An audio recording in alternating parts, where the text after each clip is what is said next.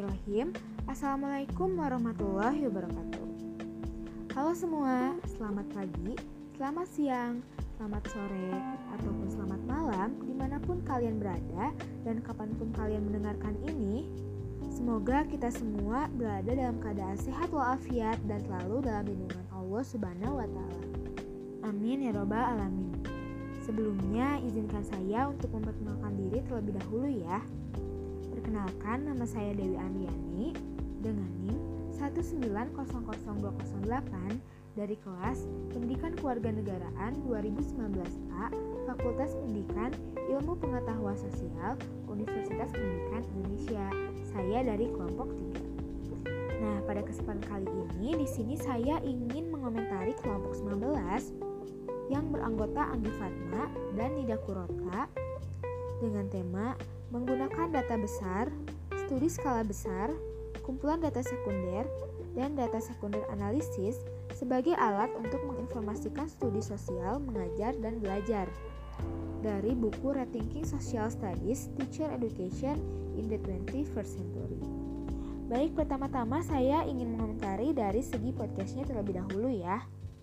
Menurut saya, kedua anggota dalam menyampaikan materi sudah bagus dan santai, tidak terburu-buru gitu. Jadi saya pribadi sih sebagai pendengarnya ikut enjoy mendengarkannya.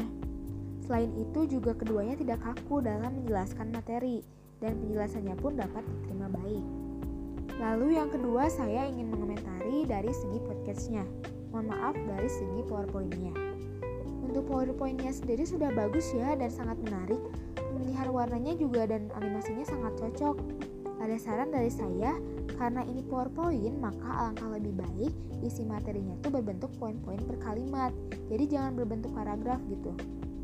Lalu untuk makalahnya sendiri juga sudah baik kok, sudah rapi serta sesuai dengan sistematika yang ada. Isinya pun lengkap dan bahasanya pun sudah dapat dipahami. Untuk bab 2-nya mungkin bisa lebih dirangkum lagi ya materinya. Jadi jangan semua terjemahan tuh dimasukin ke makalahnya. Karena pada dasarnya kan bab 2 ini tuh ringkasan materi ya. Jadi isinya tuh bisa dibuat lebih simpel lagi tapi tetap mewakili semua pembahasan. Nah, oke pertanyaannya saya ingin mengajukan kepada saudari Anggi Fatma. Sesuai dengan temanya, kelompok ini kan membahas tentang data besar, studi skala besar, kumpulan data sekunder, dan data sekunder analisis ya. Nah, yang ingin saya tanyakan, apa saja sih kelemahan dan tantangan besar dalam menggunakan metode data ini? Dan apakah menurut kalian metode ini efektif jika digunakan di Indonesia? Sekian dari saya, terima kasih atas kesempatannya. Wabillahi taufiq wal hidayah. Wassalamualaikum warahmatullahi wabarakatuh.